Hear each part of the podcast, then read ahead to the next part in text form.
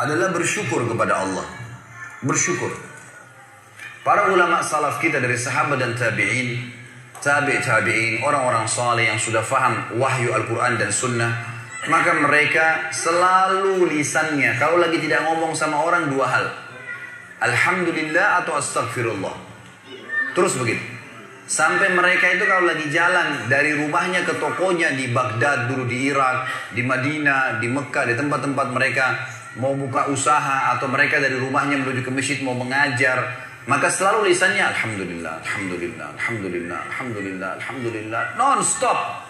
Atau mereka mengatakan astagfirullah wa atubu ilaih, astagfirullah wa atubu ilaih, astagfirullah. Terus, nggak pernah berhenti, gitu kan. Maka mereka terus bersyukur. Makanya dengan syukur ini kita sudah sentil sedikit gambarannya kemarin. Saya sudah berikan gambaran kalau dengan kalimat Alhamdulillah ini sebenarnya password untuk menambah rezeki. Ucapkan itu selalu. Bangun tidur suruh baca Alhamdulillah. Habis makan Alhamdulillah. Habis minum Alhamdulillah. Selalu ditekankan untuk ucapin itu. Maka mestinya kita ucapkan. Sayangnya kita sangat jarang sekali untuk mengucapkan kalimat ini. Bahkan teman-teman sekalian habis sholat wajib saja yang ada hadis Nabi Shallallahu Alaihi Wasallam, siapa yang membaca Subhanallah 33, Alhamdulillah 33, Allahu Akbar 33. Lalu dia genapkan seratusnya membaca La ilaha illallah wahdahu la syarika lahu mulku wal wa ala kulli syai'in qadir. Maka akan diampuni dosanya walaupun sebanyak bui di lautan. Tapi pertanyaannya, siapa yang dapat nih? Padahal kalau untuk baca ini saya pernah pakai durasi menit. Teman-teman sekalian, baca dengan sangat tenang pun, itu 7 menit sudah selesai sebenarnya. Baca ayat, kursinya, baca al-ikhlas al-falak an-nasnya dengan baca subhanallah alhamdulillah Allah akbar masing-masing 33 kali. Maksimal 7 menit. Tapi pertanyaan siapa yang dapat nih? Karena banyak orang tidak menganggap penting untuk mengucapkan zikir kepada Allah terutama masalah alhamdulillah. Maka mereka buru-buru sekali. Subhanallah, subhanallah, alhamdulillah, alhamdulillah, alhamdulillah, Allah, Allah, Allah, Allah. Apa ini? Bagaimana bisa dapat gitu kan?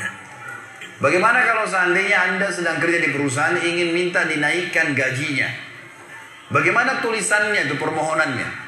Kepada yang terhormat pimpinan perusahaan, dirut, ya di tempat saya telah mengabdi selama 10 tahun, disebutkanlah kebaikan-kebaikannya, perusahaan ini juga baik. Saya berharap bisa dinaikin satu tingkat jabatan saja. Atau dinaikin gaji saya sekian persen. Atas kerja kami ucapkan terima kasih, taruh di ruangan dirutnya. Kira-kira berani nggak pegawai ini ketuk-ketuk mana tadi kemarin tuh? Yang saya sudah ajukan, gitu kan? Gak bisa nunggu sebulan belum belum datang sabar. Kenapa kalau doa rewel gitu? Mesti sabar kepada Allah Subhanahu wa taala. Allah tahu kebutuhan kita kok. Allah tahu kebutuhan hamba-hambanya. Bahkan kita tidak minta pun Allah tahu kebutuhan hambanya, gitu kan? Allah tahu kebutuhan hambanya. Jadi harusnya bersyukur teman-teman sekalian. Kita biasakan bersyukur kepada Allah Subhanahu wa taala. Masih ingat tadi pagi saya bilang banyak hal-hal yang bahkan dianggap buruk oleh manusia ternyata sebuah rezeki seperti tadi lapar, haus, capek. Mulai sekarang jangan kau lapar bilang aduh lapar, nggak boleh. Karena kalau tidak lapar nggak enak kita makan. Mesti alhamdulillah saya lapar. Itu aja mesti kita syukurin. Hal-hal yang kita anggap buruk juga sebuah nikmat sebenarnya. Karena tanpa lapar tidak enak orang makan. Kalau haus, alhamdulillah saya haus. Karena memang kalau tidak haus nggak enak kita minum. Begitu pula dengan capek, Alhamdulillah saya capek. Karena dengan capek enak rasanya tidur itu. Tapi kalau tidak capek kita nggak enak tidurnya, gitu kan? Bahkan kadang-kadang kita gelisah bangun tengah malam karena sudah terlalu banyak tidur. Coba kalau kita capek luar biasa, mesti lisan kita mengatakan Alhamdulillah. Allah menyebutkan dalil tentang pentingnya bersyukur ini di dalam surah Al-Ankabut, surah nomor 29 ayat 17. A'udzu billahi minasyaitonir rajim. Innama ta'buduna min dunillahi awthanan wa takhluquna ifka. Sesungguhnya kata Allah semua yang kalian sembah selain Allah adalah berhala-berhala. Patunglah, pohonlah, apalah, semuanya itu berhala kata Allah. Dan kalian mencip, membuatnya dengan ifka, kedustaan. Orang yang berhala, dia pak sendiri yang pahat matanya, dia sendiri yang buat hidungnya, dia sendiri yang buat kepalanya, topinya, apalah. Kemudian dianggap, oh ini Tuhan. Gimana cara? Kata Allah ini ifka, ini kedustaan. Kalian dustain diri kalian sendiri kata Allah. Semua yang kalian sembah selain Allah itu berhala-berhala yang kalian karang-karang, kalian dustain diri kalian sendiri. Dan subhanallah kebanyakan orang ujung-ujungnya ini karena masalah duit saja. Banyak kita ambil uang itu orang Islam saja misalnya. Ada seorang dikenal namanya Badawi di Mesir. Nanti kita tarik ke Indonesia ini contohnya. Badawi ini di Mesir sebenarnya dulunya bukan bukan seorang alim ulama, orang biasa, tapi dikenal di masyarakat. Waktu dia meninggal, karena dia sering baik sama masyarakat, ada satu masyarakat wakafin tanah di kebunnya, ini buat kuburannya si Badawi. Berjalan waktu, ahli waris pemilik kebun menjual tanah-tanah mereka, akhirnya sampai membuat kuburan tersebut berada di pinggir jalan. Lewatlah dua orang yang fasik. Fasik ini muslim lebih banyak dosanya. Nggak memikirkan masalah, nggak takut dengan akhirat. Nggak takut dengan dosa-dosanya, nggak pernah berpikir masalah neraka. Maka lewat, ban mobilnya pecah pas dekat di seberang kuburan, di seberang kuburan itu. Seberang jalan. Yang satu lagi perbaikin ban, yang satu ini melihat ke arah kuburan itu. Ternyata dalam hitungan 5 menit saja, itu ada 10 orang lewat. Dari 10 orang ini, 8 orang memberikan salam ke kuburan itu. Salam seorang muslim berikan salam kuburan sunnah Nabi. Gitu. Orang fasik ini mengambil sebuah kaleng tua di dekat mobilnya, kemudian dia menyeberang, ditaruh di dekat kuburan itu lalu dia pindah ke sebelah. Dilihat sama dia. Lima menit ke depan lagi seperti apa. Ternyata dari sepuluh orang yang lewat, selain memberikan salam, ada dua orang yang duit. Masukin ke kaleng bekas itu. Dia bilang sama temannya sebentar ada proyek nih. Dia pergi ke toko bangunan, beli semen, beli keramik, beli pagar, dirombak tuh kuburan hari itu. Pasang celengan yang lebih bagus lagi. Dia sama temannya besok duduk di seberang jalan, lihat perkembangan. Ternyata dari pagi sampai sore, di antara orang yang lewat karena kuburan sudah bagus, ada yang berikan salam, ada yang fulus, duit lagi. Kalengnya penuh, gitu kan? Wah ini proyek nih. Beli tanah, beli tanah di sekitarnya. Bebasin tanah itu. Bangunin masjid. Dan sekarang teman-teman sekalian, masjid itu bisa menampung sekitar seribu orang. Dan di dalamnya ada kuburan si Badawi tadi. Setiap hari orang berbuat kemusyrikan. Minta-minta sama kuburan tersebut. Berharap bisa diberikan keselamatan lah. Kalau menikah bisa berkala minta sama kuburannya si syekh ini. Dan diistilahkan dengan syekh Badawi. Ini bukan syekh, bukan seorang alim dulu. Sedangkan orang alim aja nggak boleh, apalagi bukan orang alim sampai Imam Nawawi rahimahullah. Ini teman-teman maaf di Indonesia yang masih banyak melakukan hal-hal seperti ini. Imam Nawawi ini salah satu tokoh madhab syafi'iyah. Beliau mengatakan, saya heran pada orang-orang yang minta-minta pada kuburan walaupun itu adalah orang alim. Sementara di dalam kuburan dalam manusia seperti dia sama yang sudah jadi tulang belulang. Nabi Muhammad SAW saja kita masih kirimin salawat untuk beliau apa tuh salawat tambahan rahmat dari Allah sudah diampuni dosanya. Para sahabat orang soleh kita masih mengatakan radhiyallahu anhum kita doain. Bagaimana kita tidak mendoakan orang-orang lain? Sesoleh apa pun mereka kita harus doain itu sunnah Nabi SAW gitu ya. Subhanallah, saya pernah mendatangi sebuah kota di Indonesia ini ada satu masjid tua sekali. Saya sholat di situ dan ini bekas tinggal peninggalan kerajaan. Begitu saya keluar dari masjid itu, ada satu ruangan rupanya di sebelah kiri masjid, kecil sekali, mungkin cuma bisa nampung 5-6 orang di dalam, dan ada orang duduk di atas tembok dekat pintunya. Lalu kemudian ditutup pintu tersebut, dia sambil nunggu. Saya lewat terus saya tanya teman saya, ini tempat apa ini? Dia bilang ini dalamnya kuburan. Terus untuk apa orang itu duduk di atas pintu? Dia bilang itu penjaga pintunya. Terus apa yang dilakukan? Dibukain pintu sama dia sebentar. Nanti antum lihat ada lima orang yang keluar. Di dalam sudah minta-minta kepada kuburan tersebut. Nanti gantian lagi lima orang lagi masuk antri. Begitu terus gitu kan.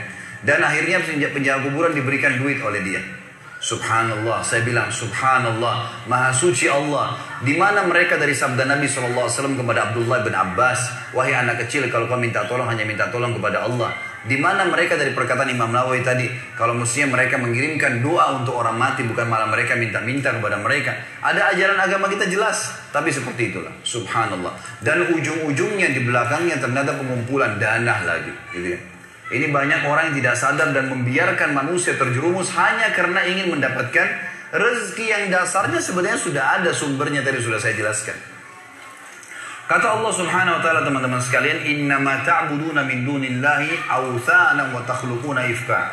Semua yang kalian seru selain Allah, maka itu authan, berhala-berhala dan kalian membuatnya itu ifka dengan kedustaan.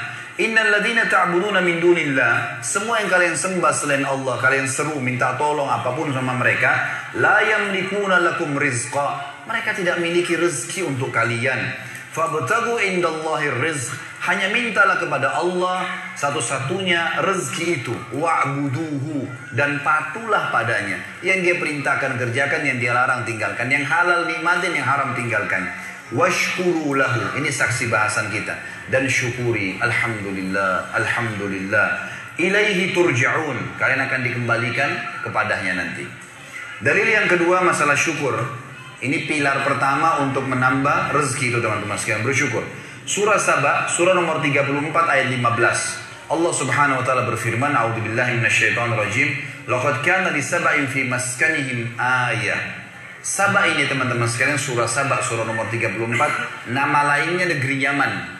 Zaman dulu di zaman Ibrahim alaihissalam, Saba itu nama Saba itu namanya negeri Yaman, gitu kan. Dulu subur sekali negeri Yaman itu.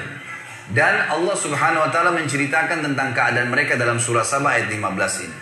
Sesungguhnya di negeri Sabah di zaman dulu itu di, di, di kehidupan mereka ada tanda-tanda kebesaran Allah. Jannatani ayyamini wa shimal. Di sisi timur dan baratnya itu ada kebun-kebun yang lebat. Dijelaskan dalam sebuah riwayat Nabi Shallallahu Alaihi Wasallam bahwasanya dulu di negeri Sabah ini ada Saddul Ma'rib namanya, ada bendungan Ma'rib.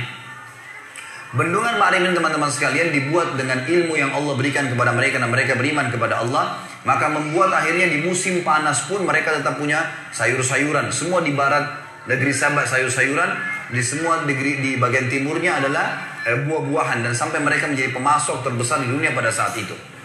Maka Allah mengatakan, "Kulu washkuru kulu min rizqi rabbikum washkurulah." Kata kuncinya, makanlah, nikmatilah itu semua. Tapi syukuri, bersyukur kepada Allah. Kata kalau kalian bersyukur, baldatun tayyibah. Negeri kalian pasti akan jadi baik. Warabbun ghafur. Dan kalian akan menemukan Tuhan kalian adalah zat yang maha pengampun.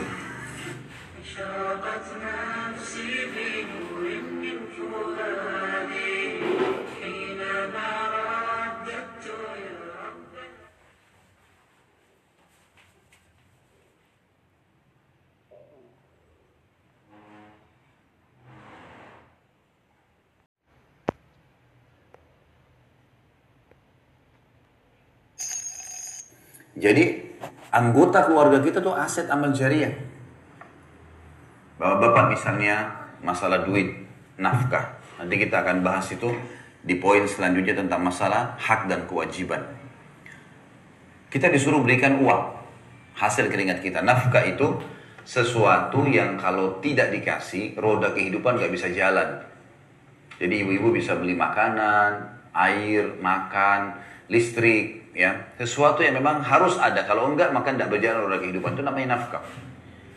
Kata Nabi saw dinar yang engkau keluarkan untuk fakir miskin. Dinar yang engkau keluarkan untuk pembebasan budak.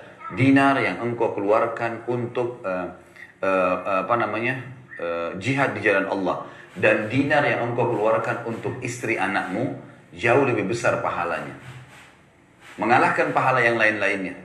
Di dalam rumah itu Berarti bapak-bapak setiap bulan terima gaji atau ada pendapatan kasih ke istri anak, itu mengalahkan pahala sodaka untuk jihad. Mengalahkan pahala sodaka untuk fakir miskin. Tapi bukan berarti hadis ini ibu-ibu misalnya bilang, nah itu kan ada hadis tadi. Berarti semua gaji suami harus saya pegang. Bukan itu maksudnya ya. Karena kita bicara masalah nafkah. Ya. Nafkah itu yang kalau gaji suami 5 juta, misal contoh, Lalu suami yang bijak, saya melakukan hal itu pada istri saya. Disusunlah kebutuhan rumah. A, B, C, D, F, G, A sampai sekian. Oh ternyata ini contoh saja. Contoh, gaji saya 5 juta. Oh ternyata kebutuhan rumah 4 juta. Ini 4 juta ya, nafkah rumah. Ini 500 ribu bonus buat kamu karena kamu sudah bantu bersihin rumah segalanya. 500 ribu yang sisa, suami punya hak mengelola. Jangan juga Bapak-bapak ada yang maaf kalau ada yang terjadi ini. Jangan juga tidak punya kawam. Dia bukan pemimpin. Semua gaji dikasih istrinya, dia mau beli pulsa pun minta sama istrinya. Gimana caranya? Beliin saya pulsa. Loh kok lucu itu? Kok malah dia minta sama istrinya? Gak boleh. Mestinya dia bisa punya kawam. Dia yang beliin istrinya iya, harus punya kemuliaan. Nanti kita bahas di sini masalah kenali karakter pasangan. Ada poin-poin setelahnya. Jadi ibu-ibu punya hak di sisi nafkah, tapi ibu-ibu tidak punya hak lebih daripada itu. Kalau lebih sunnah, sebagaimana bapak-bapak tidak punya hak di harta pribadinya ibu. Misal ibu-ibu di sini ada sebelum nikah sudah punya usaha, atau setelah nikah dapat warisan dari orang tuanya. Tidak bisa suaminya bilang, kamu kan sudah 10 tahun saya nafkahi, ini dapat warisan 200 juta bagi dua ya. Nggak boleh. Dia nggak punya hak satu rupiah pun. Laki-laki, suami nggak punya hak dari harta istri pribadi. Istri punya hak, hak nafkah saja. Lebih daripada itu sunnah. Bukan kewajiban. Ini nanti kalau memahami secara benar, seperti batu bata yang kita letakkan di tembok bangunan, maka akan rapi kalau benar semuanya. Tapi yang jelas, sekarang kalau laki-laki mau menjadikan aset amal jariah, apa pun hasil keringatnya diberikan kepada istri anaknya adalah sodaka yang paling besar. Wanita misalnya, ibu-ibu di belakang sana. Apa kata Nabi SAW? Kata kunci sederhana masuk surga. Wanita, istri mana pun, istri mana pun yang menjaga lima waktu sholatnya. Kemudian berpuasa Ramadannya. Ini nggak disebutin sholat sunnah ya, sholat wajib saja dulu. Kalau sholat sunnah ibu-ibu kerjain itu sudah plus Sholat lima waktu, azan langsung sholat, subuh sampai isya. Kemudian yang kedua tiba Ramadan, puasa Ramadan, belum dimasukkan puasa sunnah. Dan dia mentaati dan melayani suaminya pada hal yang ma'ruf. Ma'ruf ini maksudnya bukan melanggar agama. Kecuali pada saat dia meninggal, dia boleh masuk, dia boleh pilih delapan pintu surga yang mana dia mau masuk. Hanya tiga hal saja. Sederhana sekali kita bisa menjadikan rumah tangga kita sebagai aset amal jariah. Orang-orang ini nih, suami istri, orang tua, mati ya.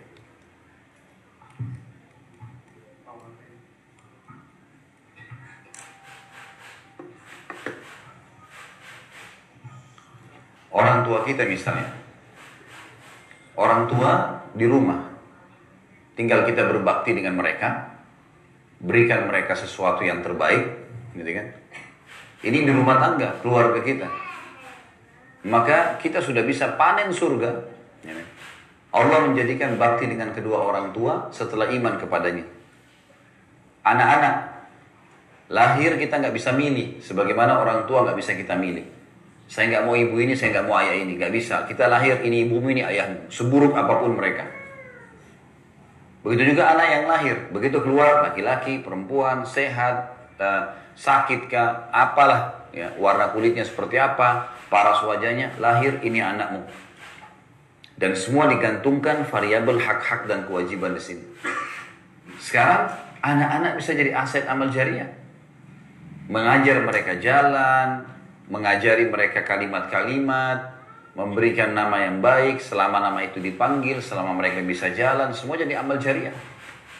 Jadi ini kiat yang harus kita pahami teman-teman sekalian. Kalau anggota keluarga kita itu adalah aset amal jariah. Dan kata kunci untuk masuk ke dalam surga. Kiat yang ketiga, jalankan tugas dan kewajibanmu. Rumah tangga itu seperti satu perusahaan. Kalau bahasa saya supaya mudah difahami, saya dan istri saya, bapak-bapak di sini sama ibu-ibu istrinya, kita ini seperti seorang pegawai. Saya bahasakan sama istri saya. Saya sama kamu pegawai.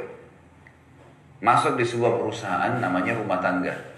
Pemilik perusahaan ini namanya Allah. Kita masuk ke dalam rumah tangga itu, ikutin peraturan pemilik perusahaan.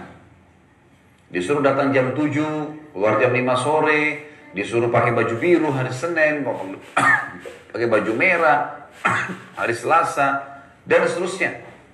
Mana makanan yang boleh disentuh, mana makanan tidak boleh disentuh. Semua itu dijalankan. Kalau kita jalankan, maka pemilik perusahaan akan mempertahankan kita sebagai pegawai. Itu ibarat untuk memahami saja kalau rumah tangga itu seperti itu teman-teman sekalian. Jadi dia seperti perusahaan. Nah sekarang peraturan-peraturannya ada. ada. Laki-laki sebagai pemimpin rumah tangga didobatkan oleh sang pencipta Allah untuk memimpin rumah tangga itu dia punya kewajiban sebagaimana dia punya hak. Yang berarti timbal baliknya adalah dia si istri memiliki memiliki hak dari kewajiban suaminya dan kewajiban dia merupakan hak istrinya. Saya akan mulai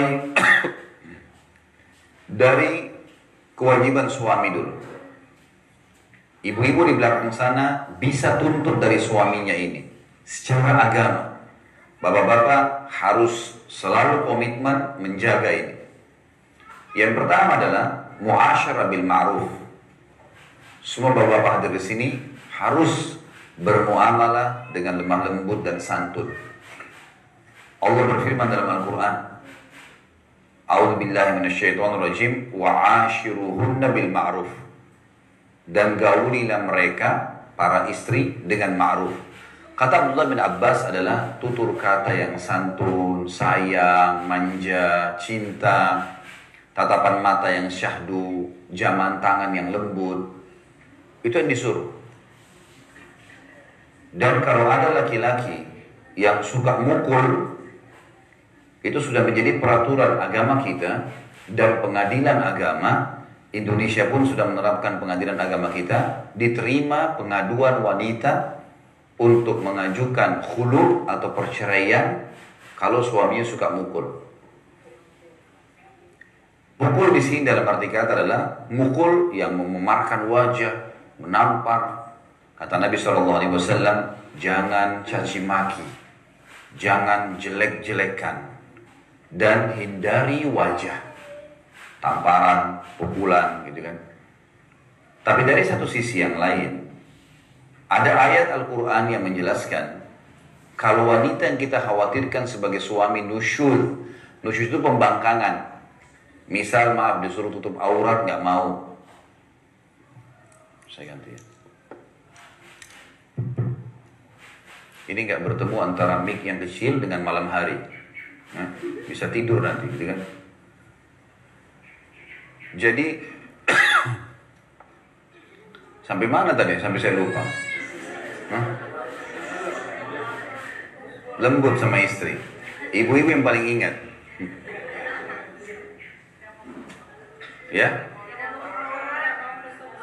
Baik, kalau nusyud Nusyud ini istilah dalam agama kita yang Allah mengatakan wallati takhafuna nusyudahunna fa'iduhunna wahjuruhunna fil madaji'i wadribuhun. Wanita-wanita atau istri yang kalian takut nusyudnya. Nusyud pelanggaran agama ya. Disuruh tutup aurat gak mau, disuruh sholat gak mau, disuruh jalan layani suami gak mau. Maka ingatkan kata Allah baik-baik, haram, kamu harus jalankan. Allah akan hukum kamu nanti nggak mau dengar hajar. Hajar itu bukan hajar. Hajar itu diboikot, diranjang. Hajar. Tidak ada ajak ngomong, nggak digaulin, dibelakangin. Dan ini hajar hanya boleh di rumah. Kata Nabi SAW, jangan kalian menghajar istri kecuali di rumah. Jadi nggak boleh suami itu pergi ke rumah orang tuanya, gitu kan? Atau pindah ke rumah temannya, nggak boleh. Kalau istrinya lagi nusyur, memang tidak mau jalani kewajiban. Kalau mereka sudah dihajar pun, diboikot tadi, tidak mau juga taubat, malah makin jadi-jadi, maka Allah bilang, fadribuhun, boleh kalian pukul mereka. Pukulan di sini, ulama mengatakan, darbatun ghairu mubarrah. Pukulan yang tidak berbekas. Kata ulama menggunakan kayu siwak di tangannya. Jadi bukan box. Ya bukan tampar. Jadi diingatkan, kalau kita tidak ada kayu siwa, kita menggunakan jari mungkin ya. Nggak boleh, kamu sudah haram nih. Nggak boleh. Kalau juga tidak mau ya diceraikan. Gitu kan? Jadi memang muasyarah bil ma'ruf ini penting. Nanti kita akan bahas di poin setelahnya. Itu yang agak panjang kita jelaskan masalah mengenali karakter pasangan. Bapak-bapak, laki-laki selalu pakai akal, perempuan selalu pakai perasaan. Beda itu. Beda sekali. Nah, kan kita berikan contoh-contohnya. Makanya bapak-bapak harus bisa mengerti bagaimana alam perasaan. Ibu-ibu harus bisa mengerti bagaimana alam pikiran. Nanti akan saya kasih contoh-contohnya. Banyak sekali contoh nanti di poin setelahnya. Intinya, bapak-bapak disuruh berlemah lembut. Kita contoh misalnya, Anas bin Malik, sahabat Nabi ini menjadi pembantu 10 tahun di rumah Nabi SAW. Dari umur 9 tahun sampai umur 19 tahun. Apa kata Anas? Saya selama 10 tahun tinggal di rumah Nabi SAW sebagai pembantu. Belum pernah satu kali pun saya mendengarkan Nabi SAW membentak-bentak. Apalagi sampai memukul istri juga pembantunya. 10 tahun tidak pernah dengar satu kali pun. Jadi memang perilaku seperti itu. Perilaku yang memang diperintahkan untuk berbuat baik. Ini hak yang pertama. Hak yang kedua adalah diberikan nafkah. Tadi saya bilang nafkah ini sesuatu yang roda kehidupan berjalan dengannya. Harus belanja. Bapak-bapak yang bijak saya bilang tadi tulis semua pengeluaran rumah. Rincikan. Kita juga hijau lebih mudah tahu oh ternyata bulanan saya butuh sekian nih. Kalau kurang dari ini berarti saya harus lebih ekstra lagi kerja misalnya. Baik, nafkah ini adalah masuk dalamnya makanan, minuman, pakaian, dan tempat tinggal semampunya. Kalau bisa kontrak-kontrak dulu, kalau bisa beli Alhamdulillah. Tapi ini semua masuk dalam masalah nafkah. Ya, dalam masalah nafkah. Semampunya. Allah subhanahu wa ta'ala menyuruh kita melalui lisan Nabi Muhammad SAW dalam hadis Bukhari Sesungguhnya istri-istri kalian punya hak dari kalian yaitu kalian belikan makanan, minuman, pakaian, dan tempat tinggal semampu kalian. Memang disuruh kita kasih. Dan nafkah ini saya bilang tadi pahalanya sangat besar. Sangat besar. Ya. Kena mengalahkan tadi pahala sodaka di jihad, pembebasan budak, dan juga fakir miskin.